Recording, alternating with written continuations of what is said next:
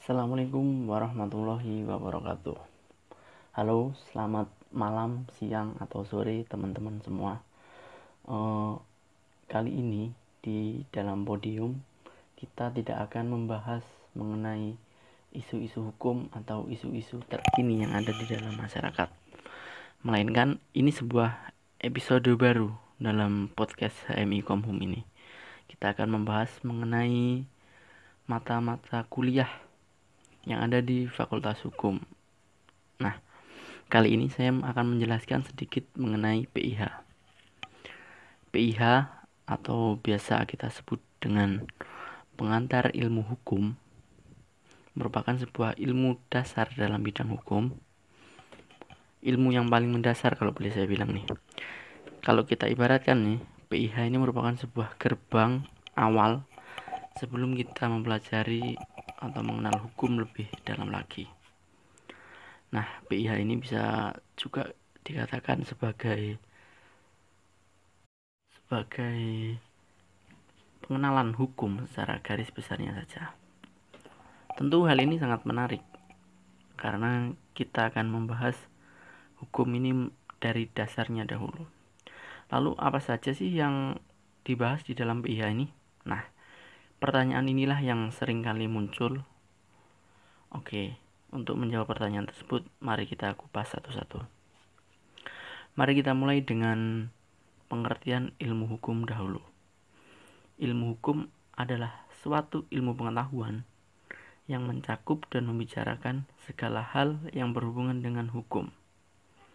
Kemudian, ada pendapat lain yang mengatakan bahwa ilmu hukum adalah ilmu yang berusaha menjelaskan tentang keadaan. Intinya berarti tentang keadaan sekarang nih.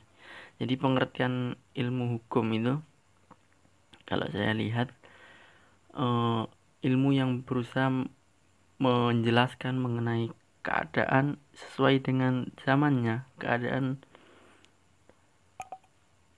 keadaan hukum yang terus berkembang. Jadi apa pun yang berkaitan dengan hukum lalu kita mempelajari tersebut. Nah itulah yang disebut dengan ilmu hukum. Lalu kalau definisi hukum apa dong? Nah itu juga salah satu pertanyaan. Jadi kalau secara umum hukum itu merupakan sebuah sistem norma dan aturan yang berguna untuk mengatur perilaku manusia. Hukum itu sendiri dapat berupa aturan yang tertulis maupun tidak tertulis Nah, tujuannya apa? Ya, tujuannya untuk mengatur masyarakat, untuk mencegah terjadinya kekacauan. Untuk unsur-unsur hukum, jadi di dalam hukum itu ada unsur-unsur yang menunjukkan sebagai identitas hukum itu sendiri. Nah, unsur-unsur hukum itu yang pertama adalah peraturan tingkah laku manusia. Yang kedua, peraturan diadakan oleh lembaga resmi dan pihak yang berwajib. Kemudian, peraturan itu bersifat memaksa. Dan yang terakhir adalah sanksi bagi pelanggar peraturan tersebut adalah tegas. Kemudian fungsi hukum itu sendiri ada dua macam, yakni fungsi langsung dan fungsi tidak langsung. Dalam fungsi langsung, di dalam fungsi langsung tersebut terbagi kembali menjadi dua, yakni fungsi primer dan fungsi sekunder. Nah, fungsi primer ini merupakan fungsi pencegahan atau biasa kita sebut dengan upaya preventif. Kemudian fungsi sekunder ini adalah pelaksanaan dari fungsi-fungsi primer. Adapun tujuan pokok hukum yang lain yaitu menciptakan tatanan yang tertib, menciptakan sebuah keseimbangan dan ketertiban dalam masyarakat. Namun, dalam beberapa literatur ada teori tentang tujuan hukum. Yang pertama adalah teori etis. Menurut teori ini, hukum semata-mata untuk mewujudkan keadilan. Teori ini dikemukakan oleh Aristoteles. Kemudian pada teori yang lain juga ada yang mengatakan Hukum bertujuan untuk menjamin adanya kebahagiaan pada orang sebanyak-banyaknya. Teori ini disebut teori utility. Kemudian ada teori dogmatik. Menurut teori dogmatik ini, tujuan hukum adalah semata-mata untuk menciptakan kepastian hukum. Nah, yang terakhir ini ada teori campuran. Menurut teori campuran ini, tujuan hukum adalah untuk ketertiban dan tujuan lainnya adalah untuk menghargai keadilan yang berbeda-beda menurut zaman. Nah, dalam pelaksanaan hukum, Tentu ada suatu akibat yang harus diterima jika ada seseorang yang melanggar aturan tersebut. Nah, akibat inilah yang disebut dengan sanksi. Sanksi ini berbeda-beda menurut aturannya masing-masing. Ada sanksi denda, kurungan, hingga pencabutan hak-hak tertentu. Dalam pelaksanaan hukum ada sebuah upaya penegakan penegakan hukum haruslah memuat rasa keadilan dan rasa kegunaan. Perlindungan kepentingan manusia harus dilaksanakan.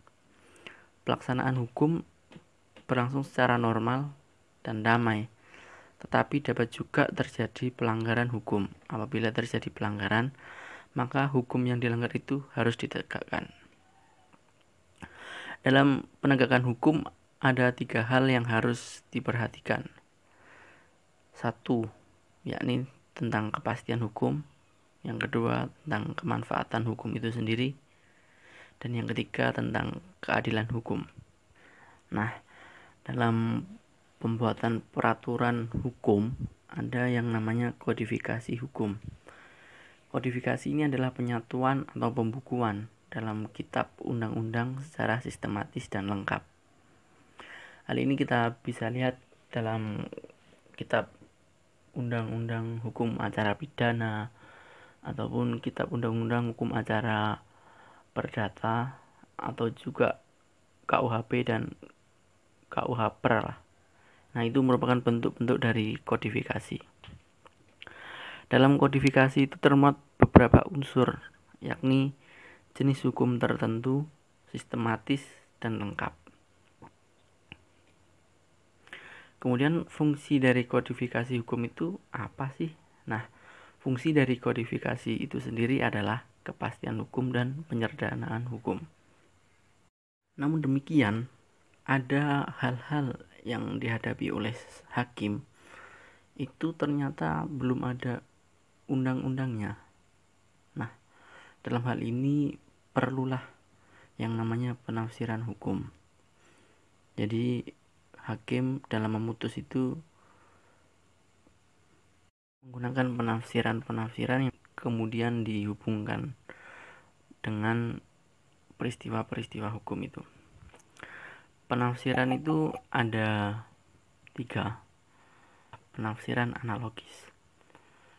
Penafsiran analogis adalah penafsiran suatu peraturan hukum dengan memberi ibarat atau kias pada kata-kata tersebut sesuai dengan asas hukumnya, sehingga suatu peristiwa yang sebenarnya tidak dapat dimasukkan lalu dianggap sesuai dengan bunyi perbuatan tersebut. Metode-metode dalam penafsiran sendiri, yang pertama ada metode gramatikal. Metode gramatikal mengatakan bahwa hukum mempunyai hubungan yang erat sekali dengan bahasa, karena bahasa merupakan alat satu-satunya yang di pakai pembuat undang-undang untuk menyatakan kehendaknya. Oleh karena itu, pembuat undang-undang yang ingin menyatakan kehendaknya secara jelas harus memilih kata-kata yang tepat. Peraturan hukum hendaknya dirumuskan dengan singkat, jelas, dan tidak menimbulkan pengertian yang beraneka ragam atau multitafsir. Akan tetapi, pembuatan undang-undang tidak selamanya dapat membuatnya seperti itu. Dalam hal inilah hakim wajib mencari arti kata itu menurut data sehari-hari dengan menggunakan kamus bahasa Indonesia atau bisa meminta ahli bahasa untuk mempelajari sejarah semua kata. Kemudian yang kedua ada penafsiran sejarah. Penafsiran sejarah sendiri dibedakan menjadi dua, yaitu penafsiran sejarah pembuatan UU dan penafsiran sejarah menurut hukum.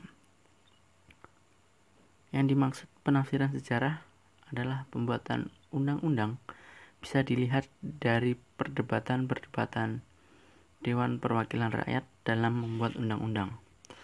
Sedangkan yang dimaksud dengan penafsiran sejarah hukum adalah hukum dilihat hukum dilihat hukum yang berlaku mungkin dilihat UU yang lama apakah masih cocok dengan yang sekarang. Jadi semacam mengkomparasikan begitu. Kemudian ada penafsiran sistematis penafsiran sistematis adalah penafsiran yang menghubungkan pasal satu dengan pasal yang lain nah misalnya contoh nih dalam pasal 330 Kitab Undang-Undang Hukum Perdata itu menyatakan bahwa tidak cakap mencatat perjanjian antara lain yakni orang yang belum dewasa. Nah, untuk mengetahui orang yang belum dewasa itu seperti apa sih kriterianya? Nah, itu bisa dilihat dalam pasal yang lain. Ternyata mereka yang belum genap 21 tahun itu dikatakan belum dewasa. Nah, contohnya seperti itu. Kemudian ada penafsiran sosiologis. Penafsiran yang disesuaikan dengan keadaan masyarakat sekarang ini. Kemudian ada penafsiran secara resmi atau otentik. Penafsiran ini penafsiran yang dibuat oleh undang-undang itu sendiri. Hal ini dapat dilihat di tambahan lembaran negara. Kemudian ada penafsiran perbandingan penafsiran dengan cara membandingkan undang-undang yang lama yang tidak berlaku lagi dengan undang-undang yang sekarang. Maksudnya, mungkin masih ada unsur-unsur yang ada di dalam undang-undang yang lama itu dimasukkan ke dalam undang-undang yang baru. Kemudian ada sumber hukum. Sumber hukum dalam pengertiannya adalah sebagai asalnya hukum, ialah berupa keputusan penguasa yang berwenang untuk memberikan keputusan tersebut. Artinya, keputusan itu haruslah berasal dari penguasa yang berwenang atau mempunyai wewenang untuk hal itu. Kemudian untuk sumber hukum sendiri itu terbagi menjadi dua, yakni sumber hukum formil dan sumber hukum material. Sumber hukum formil ialah apa yang dimaksud dengan tempat di mana ditemukan peraturan-peraturan hukum positif yang menunjuk pada bentuk-bentuk peraturan dan ketetapan. Kemudian sumber hukum material ialah apa yang dimaksud sebagai sumber hukum dalam pengertian sebagai hal-hal yang dapat mempengaruhi penguasa dalam menentukan hukumnya. Sumber-sumber hukum formal ini meliputi undang-undang, kebiasaan, keputusan hakim, traktat, ataupun pendapat sarjana atau biasa disebut dengan doktrin. Nah, cukup itu saja dari saya mengenai penjelasan singkat tentang pengantar ilmu hukum ini. Sampai jumpa di episode-episode selanjutnya dengan pembahasan-pembahasan yang menarik tentunya. Sekian dari saya. Wassalamualaikum warahmatullahi wabarakatuh.